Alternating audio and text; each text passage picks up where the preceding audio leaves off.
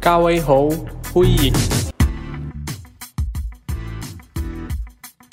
Halo teman-teman semua, selamat datang di podcast perdana Fresh from the Bun by Permit Shanghai. Bersama saya Vincent selaku host di episode kali ini. Nah, di episode kali ini kita kedatangan tamu yang spesial nih guys. Ketua Permit Shanghai periode ini. Nah, siapa beliau? Meta Admilian. Silakan, Matt. Halo, halo semuanya. Uh, salam Halo. kenal ya. Halo Vincent. Salam kenal semuanya. Nama aku Meta Epilian. Aku tahun ini tahun keempat di jurusan arsitek di Tongji University di Shanghai. Hmm, Oke. Sebelumnya, gue penasaran, kenapa lu memutuskan untuk kuliah di Shanghai, di China? Awalnya sih sebenarnya bukan dari dulu ya aku pingin sekolah ke China. Maksudnya bukan aku planning dari dulu-dulu kecil gitu. Cuman waktu SMA, waktu harus milih untuk kuliah di mana tuh, eh, ada yang kenalin. Kan waktu itu aku mau jadi arsitek. Ada yang kenalin, oh di China nih bagus nih. Kamu bisa sekaligus belajar bahasa Mandarin, juga sekaligus belajar arsitektur di China gitu. Jadi akhirnya lewat temen itu dia yang bantu applying juga, akhirnya bisa masuk. Gitu. Ngomongin belajar bahasa Mandarin nih, Matt. Sepenting itu kah? Maksudnya bahasa Mandarin ke depannya untuk mungkin ya karir lu overall itu penting nggak belajar bahasa Mandarin menurut lu pribadi di zaman era sekarang ini? Menurut aku perlu, perlu menurutku penting banget sih, apalagi ke depannya nanti ya. Ke depannya nanti kan bakal lebih, menurutku lebih internasional ya. Semua orang juga, apalagi China semakin lama semakin berkembang. Banyak orang yang semakin lama semakin bisa juga bahasa Mandarin. Jadi penting banget menurutku sih. Oke, nah ngomongin tentang tadi lu jurusan arsitek kan ya. Berat gak sih Iya. ngambil jurusan arsitek di sekolah salah satu sekolah yang ternama juga di Shanghai, Tongji, dan online. Sekarang kan kita online semua ya. Berat gak sih itu, Matt? Oh, em, berat lumayan sih. Sebenarnya ada hal-hal sendiri yang lebih berat karena online, tapi juga ada hal-hal yang lebih ringan karena online. Kalau di kasusku ya, karena aku kan jurusannya arsitek. Jadi sekarang waktu online ini kita nggak perlu bikin maket, nggak perlu juga kayak meluk, menggambar pakai tangan atau mengeprint tugas kita. Jadi semuanya tuh digital, itu jauh lebih convenient gitu. Tapi beratnya karena hmm, aku ambil jurusan China ini, jurusan bahasa Mandarin, kebetulan cuman aku sendiri yang nggak bisa balik ke China. Semua orang di China. Jadi em, kalau kelas online itu hanya aku sendirian yang dari Indo gitu, dari jauh pakai internet. Yang lainnya tuh di kelas. Nah, jadi kadang-kadang bisa nggak terlalu diurusin sih. Harus aku yang lebih proaktif nanya ya, gitu. Kalau Vincent gimana nih? Gimana pengalaman online Ya. kelas kamu so far? Ya harusnya semuanya juga sama ya, nggak seefektif kalau misalnya kita juga langsung di kelas belajar langsung, ketemu dengan teman, dengan guru yang langsung ngajar di depan kita. Tapi ya menurut gua pribadi, kalau udah sampai kasusnya udah harus kelas online, itu semuanya itu tergantung ke masing-masing individu. In- Individu tersebut Hmm. mau emang pengen tahu lebih lanjut, misalnya pengen belajar lebih, bisa. Tapi kalau emang dia dianya individu tersebut mau males-malesan mulai itu ya bisa. Jadi bisa baik, bisa nggak tergantung individunya masing-masing. Itu sih menurut gue ya. Hmm, ya bener. Gue punya satu pertanyaan nih yang gue mau nanya. Lu jurusan arsitek, nyesel nggak sih mutusin untuk sekolah di China? Ngambil arsitek, nyesel nggak? Wah, itu pertanyaan sulit loh. Aku tanya dulu deh, aku tanya balik deh sama Vincent. Sen, kamu di China ngambil jurusan apa? International Business ya? Bisnis ya sih? Itu nyesel nggak sekarang? Oke. Em, soalnya gue terus terang juga, gue bukan orang yang pinter banget sekolah. Mungkin di eh, akademis gue bukan yang paling baik deh. Dan gue emang dari dulu tuh gue pengen sekolah di China. Maksudnya gue pengen tahu lebih banyak culture-culture China. Dan gue pengen belajar bahasa Chinese yang Mandarin. Bener banget yang lu bilang. Soalnya ke depannya gue juga percaya eh, bahasa Mandarin itu bakal jadi bahasa internasional juga suatu hari nanti. Nah, makanya itu gue itu alasan gue untuk milih di China. Nah, masalah gue nyesel enggaknya itu soalnya karena gue juga gak terlalu jago di akademis gue pribadi, makanya gue gak nyesel sih. Soalnya emang gue ngambil bisnis dan emang akhirnya gue juga bakal berakhir di bisnis juga. Nah, jadi gue tahu jelas major yang memang mau gue ambil dan ya gitu nggak salah ambil kalau oh. lu pribadi men soalnya terus oh. terang gue hmm. banyak banget teman-teman arsitek gue yang di China hmm. dan major arsitek tuh berat banget yang harus sampai bergadang tiap malam banyak banget projectnya Keba hmm. kebanyakan dari mereka tuh ada yang menyesal ngomong ke gue bahasanya kayak akunnya tuh nggak sanggup gitu hmm. nah kalau dari hmm. pribadi sebagai konteksnya sebagai seorang anak internasional yang sekolah dan sekelas dengan anak Chinese anak lokalnya itu berat gak dan nyesel gak sih? Oh, um, ini jawabannya enggak, enggak enggak iya. Jadi kalau buat background buat kalian ya, um, arsitek itu kalau di China itu lima tahun. Jadi bukan kalau di Indo kan empat tahun ya. Kalau di China tuh lima tahun. Terus ditambah aku sempat ambil bahasa dulu satu tahun. Jadi total itu enam tahun. Udah kayak dokter kan kalau di Indo. Kalau di Indo udah sarjana gelar dokter itu. Terus kalau misalnya nanti di arsitek, setelah enam tahun lulus, misalnya balik ke Indonesia untuk profesi arsitek, itu harus ambil setahun penyetaraan lagi gitu untuk bisa dapat license untuk jadi arsitek itu. Jadi panjang banget waktunya. Dan waktu itu pertama kali aku memutuskan untuk masuk arsitek tuh sempat karena hal ini jadi ragu gitu sih kayak wah ini lama banget ya bisa nggak ya gitu. Tapi setelah aku laku, lakuin dan sekarang udah tahun keempat ya di arsitek, um, sebenarnya yang aku dapetin tuh nggak cuman skill arsiteknya aja gitu. Memang sih skillnya tuh berat dan memang um, kalau in terms of architecture only ya, yang pelajaran arsitek doang tuh karena pakai bahasa Mandarin juga, jadi uh, tidak akan bisa menyerap seluruh informasi yang mereka offer ke kamu gitu. Karena ada kendala, menurutku sih ada kayak this language barrier gitu. Even if like seberapa bagus Mandarin bahasa Mandarinnya kita tuh masih beda ya sama orang yang sudah memang dari kecil tumbuh di China kan gitu jadi uh, ada hal yang disayangkan di bagian itu tapi di sisi lain itu ada banyak hal juga yang aku dapetin sama lima tahun ini kayak macam di Shanghai beda banget yang aku rasain pengalaman aku di Shanghai dengan di Indonesia belajar lebih mandiri terus belajar bergaul dengan berbagai macam orang yang dari background culture yang berbeda-beda ya terus juga bisa dapat opportunity opportunity yang jauh lebih besar, network yang lebih besar lagi daripada kalau cuman di Indonesia. Jadi um, aku gak nyesel sekolah arsitek di China, di China, di Shanghai. I think that's my answer. Ya. Yeah. Panjang okay. banget. Jelas banget sih, jelas banget. Tapi nih, hmm. karena tadi yeah. selalu jabarin semua ya, kan durasi yeah belajar lu untuk ngambil arsitek dan misalnya kalau lu ngambil kedokteran di Indonesia tuh hampir-hampir mirip kan ya. Nah hmm. kalau ini bisa, waktu diputar kembali pas lu setelah tamat SMA itu, lu ada dua opsi ini. enam tahun sekolah arsitek atau enam tahun sekolah kedokteran, lu milih mana, men?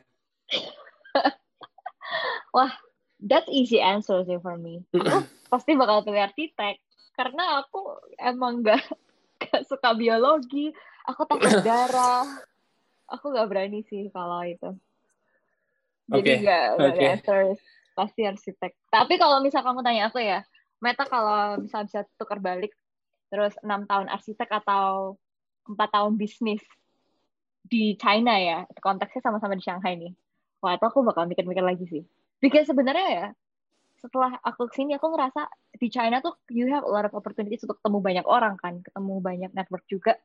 Jadi sebenarnya belajar bisnis di sana tuh juga sangat menurut aku kayak sangat menarik.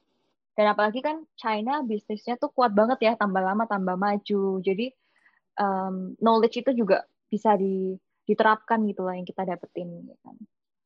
Yeah. kalau Vincent hmm, kamu bener, ngerasa bener gimana banget. belajar belajar bisnis di China itu um, sesuai yang ekspektasimu atau gimana sesuai yang kamu harapkan nggak what you get what you jawabannya learn? simple juga jawabannya simple juga sesuai ekspektasi gue Dan iya, pastinya susah.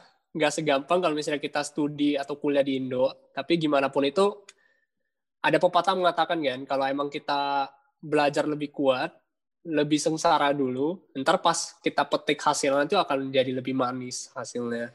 Dan sama oh. juga di China, ya kalau emang kita work harder, nanti pas kita metik hasilnya nanti juga harusnya bisa terasa lebih manis hasilnya gitu loh. Eh, yeah. amin, amin. Iya, yes, yeah. Oke nih, nah kan kita dengan status lu ya, Matt, menyandang status ketua Permit Shanghai periode ini. Nah, sebenarnya hmm. gue pengen tahu apa sih itu Permit Shanghai, Matt? Oh, buat jelasin ke teman-teman ya. Mungkin dari teman-teman yeah, yang boleh. belum terlalu tahu apa itu Permit Shanghai. Uh, Permit Shanghai itu kepanjangan dari Perhimpunan Mahasiswa Indonesia di Shanghai. Jadi kita adalah satu komunitas, satu organisasi uh, yang di Shanghai yang intinya tuh mendukung lah segala kegiatan kalian mahasiswa-mahasiswa Indonesia. Kita uh, bantu mereka juga, lalu memastikan aja kalau semuanya di situ baik-baik, semua lancar berkembang gitu. Jadi kita uh, biasanya juga bikin-bikin event, uh, saling kayak saling ajak bertemu gitu ya banyak sih kegiatan yang kita lakuin gitu tapi ya intinya sebagai wadah sebagai wadah lah wadah okay. mahasiswa Indonesia yang ada di Shanghai gitu. Oke, okay, secara tidak langsung nih, gue mau nanya, kalau misalnya emang gue ada rencana mau ke Shanghai nih, gue gak kenal siapa pun, gue gak ada temen hmm. di sana, gue gak ada background, gue gak punya saudara di sana. Nah, gue yeah. approach ke Shanghai itu bisa gak sih? Bisa dong, bisa banget bahkan banyak yang walaupun sudah lakuin itu juga. Walaupun apa? Okay, walaupun bukan misalnya bu, uh, statusnya itu bukan sebagai calon pelajar. Dan gue hanya ke sana untuk traveling doang. Contoh traveling atau mungkin ada urusan bisnis. Bisa nggak kalau misalnya saya itu approach-nya ke Permit Shanghai? Oh kamu berarti approach ke Permit Shanghai untuk untuk apa nih? Untuk maksudnya ya, mungkin ya kalau misalnya iya kalau misalnya uh, sebagai travelers gue mestinya kan hmm. kalau operasi misalnya itu kayak mungkin oh gue agak gitu familiar nih dengan Shanghai kan soalnya udah serba digital ya di Shanghai ya di China hmm. terutama hmm. Uh, udah pembayarannya udah online semua terus kan pastinya kalau buat teman-teman yang belum bisa bahasa Mandarin harusnya bakal jadi masalah juga soalnya kebanyakan itu bakal menggunakan bahasa Mandarin untuk ya berinteraksi dengan orang lokal di sana. Nah, kalau emang hmm. gue approach, bisa gue sebagai statusnya sebagai traveler, gue approach ke permisangan itu bisa nggak bisa dibantu oleh pihak permisangan sendiri gitu loh. Hmm, kita sangat welcome, kita sangat welcome buat siapa pun yang memang mau tanya-tanya ke kita. Tapi khusus untuk kasus yang itu ya, ya itu kita memang kebanyakan itu membantu masalah mahasiswa sih, masa pelajar. Tuh, misal meng mengkoneksikan mereka dengan komunitas-komunitas yang ada di in, di Shanghai ataupun senior-senior yang sudah sekolah di sekolah itu gitu. Tapi kalau misalnya ada yang memang mau tanya tentang traveling atau apa, kita juga punya banyak uh, informasi, kita juga punya banyak teman-teman nih yang mereka bisa kasih lebih banyak lagi uh, apa info atau service gitu. Jadi memang di Indonesia, eh di Indonesia di Shanghai memang ada beberapa yang um, jasa service gitu sih yang membantu mengplanningkan semua itinerary kalian selama di Shanghai, nemenin juga bisa, ya kan jadi tour guide nih intinya. Itu ada kita bisa kenalin. Jadi langsung tanya aja ke kita nggak apa-apa. Ya berarti uh, untuk konklusinya itu apa pun deh. Misalnya lu mau traveling ke Shanghai mau mungkin hmm. ada plan mau studi di Shanghai pun itu ada pertanyaan apa pun tentang Shanghai ya. bisa ya ke permis Shanghai langsung? Bisa. Kita bisa kalaupun bukan di ranah yang kita expertise kita kita bisa bantu kenalin ke teman teman-teman atau orang-orang di Shanghai yang bisa tahu atau lebih expert gitu. Jelas. Oke nih, nah kita udah ngomongin permi Shanghai ya, gambaran garis besar permi Shanghai udah kita ngomongin. Nah sekarang gue mau nanya pribadi ke lu, kenapa lu memutuskan untuk jadi ketua permi Shanghai? Nah ini dia. Oh, langsung nih, kenapa memutuskan gitu? Jadi sebenarnya ceritanya tuh kalau diceritain lumayan panjang, karena sebenarnya aku tuh di Shanghai sendiri kan juga udah lumayan lama. Dan di, di Permit Shanghai ini tuh sebenarnya periodenya udah yang ketiga. Jadi awal masuk itu 2017, ya kan? Terus 2019, sekarang ini 2020, 2021 gitu. Kalau ultimately kenapa mau jadi ketua Permit Shanghai? Karena mungkin udah cheesy sih, it's cheesy to say, tapi kayak udah udah ada rasa sayang lah sama permit. Aku udah di sini dua tahun ya kan. Merasa kayak oh aku bisa nih untuk mau ngembangin lagi, mau uh, apa ya, mau do more, do more buat Permit Shanghai dan buat wadah komunitas ini sih. I think that's it. Terus juga um, uh, banyak teman-temanku juga yang ikut Permit Shanghai ya kan, dan itu juga salah satu yang bikin aku kayak oke okay, let's let's do this together gitu. Oke. Okay. Kalau emang sampai lu ada ngerasa keluargaannya nih di Permit Shanghai, nah mm -hmm. apa aja ada sih dong. benefit selama dong, ya makanya apa aja benefit selama lu jadi permit Shanghai maksudnya selama lu dari mulai dari tahun 2017 itu mungkin jadi anggota 2019 hmm. uh, mungkin jabatannya lebih penting lagi sampai 2020 ini jabatannya sebagai ketua nah apa-apa aja benefit kalau misalnya emang lu join permit Shanghai benefit uh, aku rasa benefit tiap orang tuh berbeda-beda ya karena setiap orang alasan mereka untuk ikut permit Shanghai atau permit organisasi itu juga berbeda-beda kan. Ada yang mungkin mau belajar skill baru, ada yang mau bertemu teman baru, ada yang mau atau keluar aja ya kan aktif gitu kegiatan ya kan. Jadi belajar kalau berorganisasi. Aku, belajar berorganisasi. Kalau untuk aku personally benefit yang aku dapetin itu wah banyak sih. Aku dari sana tiga tahun banyak banget. Um, mulai dari komunitas definitely. Teman-teman yang sekarang jadi teman deket aku di Shanghai itu semua kenalnya awal dari Permit Shanghai juga gitu. Terus jadi lebih tahu hal-hal di luar sekolah juga. Karena karena aku jurusannya kan arsitek ya. Arsitek itu tuh yang dipelajari itu very certain kayak jelas gitu. Dan apa ya uh, suatu ilmu atau skill yang lumayan khusus ya spesifik kan. Tapi ketika aku di Permit Shanghai itu belajarnya lebih general kayak how to manage your team ya kan how to manage your time terus gimana cara bikin event yang bagus dan sukses cara bikin proposal ya kan cara berkomunikasi juga dengan orang-orang luar. Dan itu tuh menurutku skill yang aku nggak bisa dapetin kalau aku cuman sekolah aja gitu banyak sih. Kalau Vincent ya aku penasaran. Aku ganti balik. Apa benefit yang kamu dapetin nih sama di Permit Shanghai?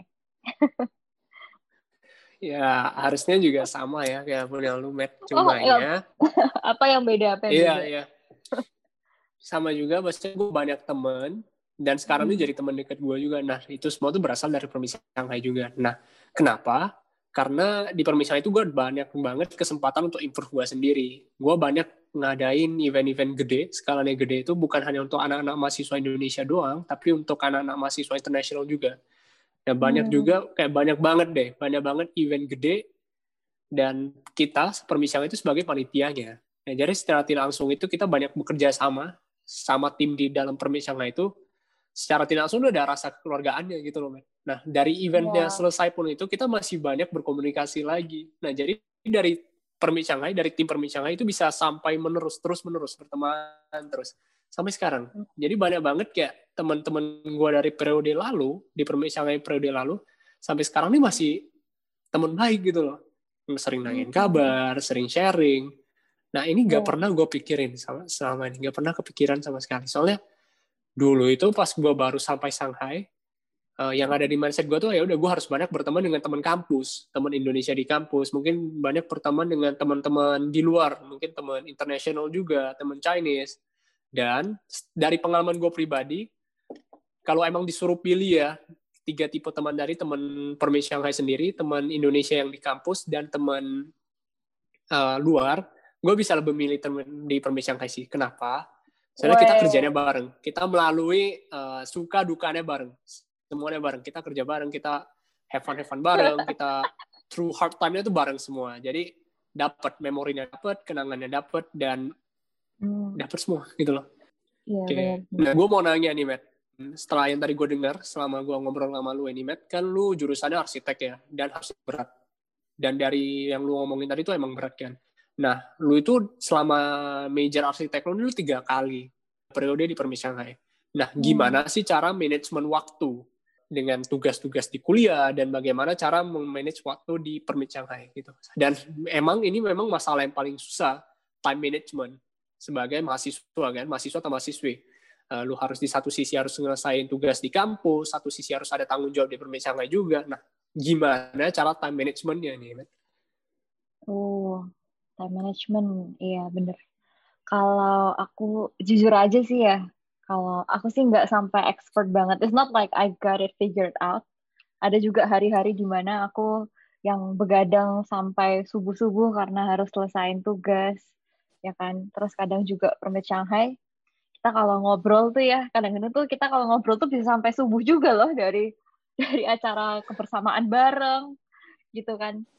Tapi um, um, kalau tips dari aku mungkin harus set priorities gitu. dan juga harus I, I always get schedule sih. Jadi make sure kalau oh memang semuanya udah dijadwalin emang aku masih cukup nggak ya waktu untuk selesaiin yang ini gitu. Mana yang lebih prioritis, mana yang harus dikerjakan duluan. Kayak gitu. Menurut aku sih gini, as long as you want something and you really want it, dan kamu try your heart, pasti bisa lah. There's always time cuman how you kayak how you set your priorities aja sih yang penting gitu hmm, oke okay. oke okay. dan juga nih gue kan gue juga sering ngobrol sama teman-teman yang sekolah di Shanghai ya nah ada hmm. yang ngomongnya gini kalau mereka tuh gak bisa ngebarin waktu untuk sekolah permit dan untuk traveling. Nah, soalnya kan mereka juga ibaratnya merantau ya ke China, ke Shanghai lebih spesifiknya. Shanghai itu salah satu kota yang ibaratnya kota metropolitan yang super canggih, super maju. Nah, hmm. mereka tuh khawatirnya mereka itu kalau mereka mereka harus join permit Shanghai dan harus ngurusin uh, tugas-tugas di kuliahnya itu mereka gak ada waktu untuk traveling. Nah, oh. selama lu, nah ini kan kembali lagi pertanyaan ke lu, Matt. Selama lu menjabat di permit dan selama ya ada banyak banget tugas-tugas di kampus, lu masih sempat kan untuk traveling di sekitar Shanghai? Gitu loh. Di sekitar Shanghai sempat, sempat dong soalnya ya itu itu baik lagi sih kayak how to manage your time ya. Aku keinget juga um, satu tips juga yaitu kita oh, we can do always kayak multitasking gitu. Jadi misal permit Shanghai tapi kamu pengen jalan-jalan ke sini. Ya udah ajak aja teman-teman permit Shanghai mau buat jalan bareng ke tempat ini ya kan? Kamu bisa sambil ngobrolin sambil diskusiin tentang your ideas or something rapat gitu tapi juga bisa sambil ngunjungin tempat itu gitu. And kamu juga ada temennya sekarang ada temen yang nemenin ya gak sih? Kayak gitu. Kalau hmm. uh, masalah tugas, karena sebenarnya I gotta be honest, tahun pertama aku ikut kan 2016 ya. Eh sorry 2017 ya tahun pertama permit itu. Itu aku sempat ada gap year dulu sebelum akhirnya lanjut permit Shanghai dulu. Jadi waktu 2017 itu aku tahun pertama arsitek ikut. Itu memang tugasnya banyak banget. Banyak banget Sen itu bener-bener kerasa merasa worn out sama tugas. Karena aku juga masuk ke Permit Shanghai kan um, bagian tim desain ya. Tim desain tuh yang ngedesainin um, poster poster-poster terus kalau ada event all of design related gitu social media content dan lain-lain. Jadi kalau lagi deadline itu bener-bener bisa nggak tidur cuman untuk ngerjain semuanya. Akhirnya worn kayak merasa udah deh cukup. Nggak nggak mau lagi permit Shanghai karena udah tahu ya udah pernah ngerasain setahun itu udah cukup gitu kan. Tapi ternyata karena setahun itu aku gap year dan aku aku kan pertama mikirnya aku mau fokus sama sekolah aja deh mau fokus sama having fun juga sama teman-teman internasional aku karena dulu kan nggak ada waktu. Ternyata aku malah merasa at the end setelah dari setahun itu aku malah merasa jadi nggak nggak berkembang nggak bertumbuh gitu loh. Karena kalau ketemu sama temen ngobrol itu it's fun but you don't learn something yang kayak gimana yang bisa berkembang. Like you don't learn new skills gitu. Tapi kalau misalnya aku permit Shanghai itu kamu nggak cuma bisa dapet temen you know I got new friends from it but I also learn um, productive positive things dari mereka juga. Karena kita sama-sama bikin event.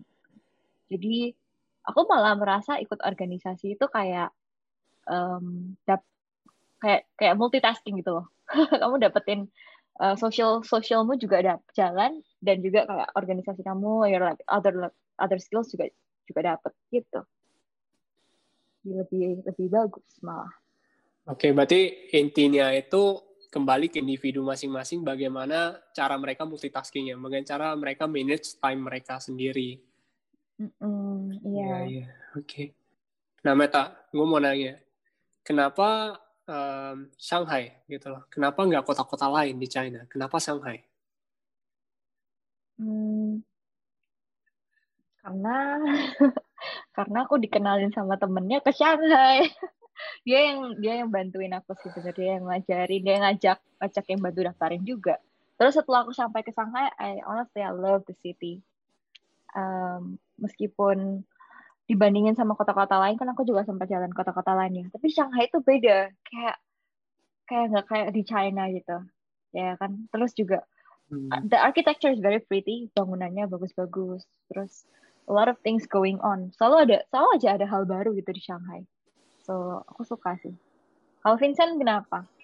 Kamu gimana? Belum cerita uh, sama juga karena sebelum gue memutuskan untuk sekolah di Shanghai itu gue sempat ke beberapa kota di China. Dan terakhir pas gue ke Shanghai itu kotanya kayak beda aja. Nggak berasa hmm. di China bener. Majunya tertibnya kebersihannya orang-orangnya itu kayak bukan China. Nah itu juga alasan kenapa gue memutuskan untuk sekolah di Shanghai. Gitu. Nah gue pertanyaan lagi ke lu nih. So far selama kehidupan lu di Shanghai kehidupan ya mahasiswi lu di Shanghai lu have fun gak? Ibaratnya kan pasti ya kota besar banyak banget kayak hiburannya juga. Ibaratnya ya lu mau ngapain pun ada di sana. Ya have fun oh, apa pun ibaratnya ya lu enjoy lu sendiri nggak selama lu sekolah di Shanghai? Ya ya pasti dong. Pasti dong. Aduh kangen banget sih kalau kamu tanyain aku have fun nggak. Of course there's like eh Shanghai itu serba praktis dan serba apa ya serba aman juga loh ya kan jadi kayak kamu mau ke mana itu cepet ada MRT station subway, TT yang buka terus sampai malam. Terus juga ada sekarang bisa WiMi ya kan apa segala macam super convenient. So TT itu apaan, Met? Bentar, tadi lu ngomongin TT. TT itu apaan? TT itu um, kalau di Indonesia tuh kayak Grab ya, kayak Grab car gitu. Jadi you can just call hmm. terus dia bisa datang gitu. Ada aplikasinya juga. Macam itu. Dan yang buat aku seneng juga di Shanghai, have fun-nya orang-orang kan beda-beda ya. Mungkin ada orang yang mereka have fun dengan cara kayak kuliner, pergi ke all of this kayak cafe and restoran gitu.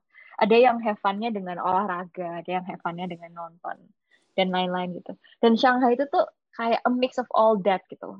All kind of fun, kamu bisa ketemu di Shanghai. Mulai dari yang super international yang international banget sampai yang super Chinese itu semua ada so so it's fun okay. dong Tadi kan lu sempat ngomongin tentang keamanan juga ya, lu bahasanya lu beri statement bahwasanya Shanghai itu aman.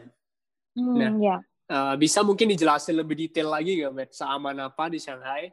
Soalnya banyak juga worried dari teman-teman kalau misalnya mereka mau lanjutkan studinya ke China itu kayak banyak banget mindset mereka bahwasanya kayak oh kayaknya di Shanghai itu kurang aman apalagi untuk wanita hmm. yeah, itu kayaknya yeah. kurang aman di Shanghai soalnya mereka mungkin orangnya cenderung ke kasar hmm. dan ya banyak banget rumor-rumor yang kita dengar di luar sana tuh bahwasanya kayak Shanghai China lebih spesifiknya China itu gak seaman yang mungkin kenyataannya gitu loh mungkin bisa dijelasin nggak Hmm, iya iya uh, sebenarnya aku waktu SMA juga sempat merasa gitu ya waktu mutusin untuk pergi ke Shanghai sendirian. Sempat ada rakut juga karena nggak belum kenal siapa-siapa. Dan juga waktu itu bahasa Mandarin juga belum terlalu bagus. Jadi kayak aman nggak ya di sana? Terus juga bersih nggak ya di sana? Kayak banyak orang yang juga penasaran ya um, tapi yang aku rasain sekarang itu Shanghai ternyata aman. Bisa dibilang aman sekali malah aku kadang-kadang kalau pulang bareng temen ya, misal habis dari acara apa gitu yang sampai malam, jam 11 gitu balik, masih jalan tuh masih ramai, masih terang, ya kan. Terus juga um, selalu ada, sering sih ada polisi, ada CCTV, itu selalu standby juga sih di mana-mana. Di Shanghai lumayan banyak, nggak perlu khawatir. Dan orang-orang Shanghai juga ya, orang-orang the people di Shanghai itu mereka lebih taat peraturan menurut aku.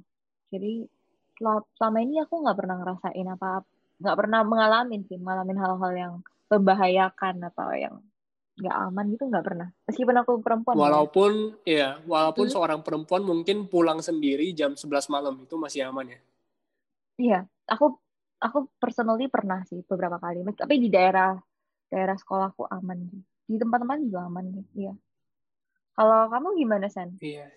Kalau dari kamu, Ya. ada pengalaman untuk mana? Kalau gue pribadi juga nggak ada. Makanya kalau dari gue pribadi, gue sebagai seorang laki ya, gue juga ngerasa aman banget.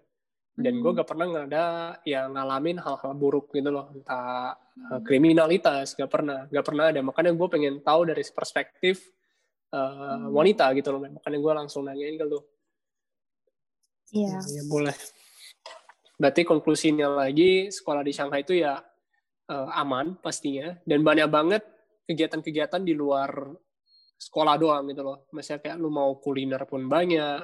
Ibaratnya culture dari China itu masih pekat banget dari Shanghai. Walaupun banyak uh, campuran dari culture-culture luar gitu loh. Mas. Tapi culture-nya China sendiri masih dijaga dengan sangat baik gitu kan ya. Iya. Iya, bener. Boleh. Boleh. Oke, Matt. Nah, gue mau beri kesempatan juga. Mungkin Meta selaku ketua permisangan ada gak last word? Atau mungkin kata-kata yang mau disampaikan ke teman-teman yang dengerin ini loh. Harapan aku terhadap Permai Shanghai, um, first yang aku kepikiran nih ya, yang deket-deket ini aja, uh, aku berharap kita semua bisa balik ke Shanghai secepat mungkin. Bisa ketemu lagi, have fun bareng lagi, tatap muka, kalau bisa bikin event offline yang seperti dulu-dulu juga ya. Terus kalau jangka panjangnya ya ini, jauhnya tuh berharap semoga Permai Shanghai selalu bermanfaat selalu bisa menjadi wadah yang positif di kalangan mahasiswa Indonesia dan juga semakin dikenal lagi ya kan balik baik itu di Indonesia sendiri maupun kayak di luar ya terhadap anak-anak luar kayak gitu. Hmm, Oke, boleh. Nah, kalau misalnya ada yang pengen tahu lebih lanjut, cara Hmm. approach permisangannya, cara kontak permisangannya gimana, Matt? Oh, kita sekarang ada berbagai macam sosial media.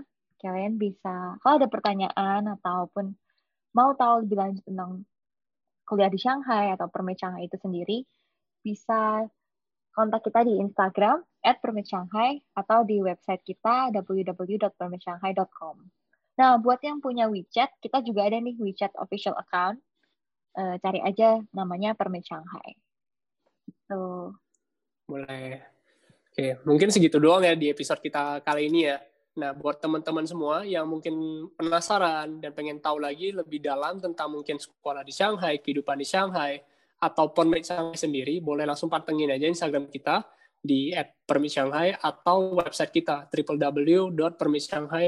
www.permitshanghai.com. Sekian saja. Terima kasih Meta sudah menyempatkan waktunya untuk sharing ke kita semua.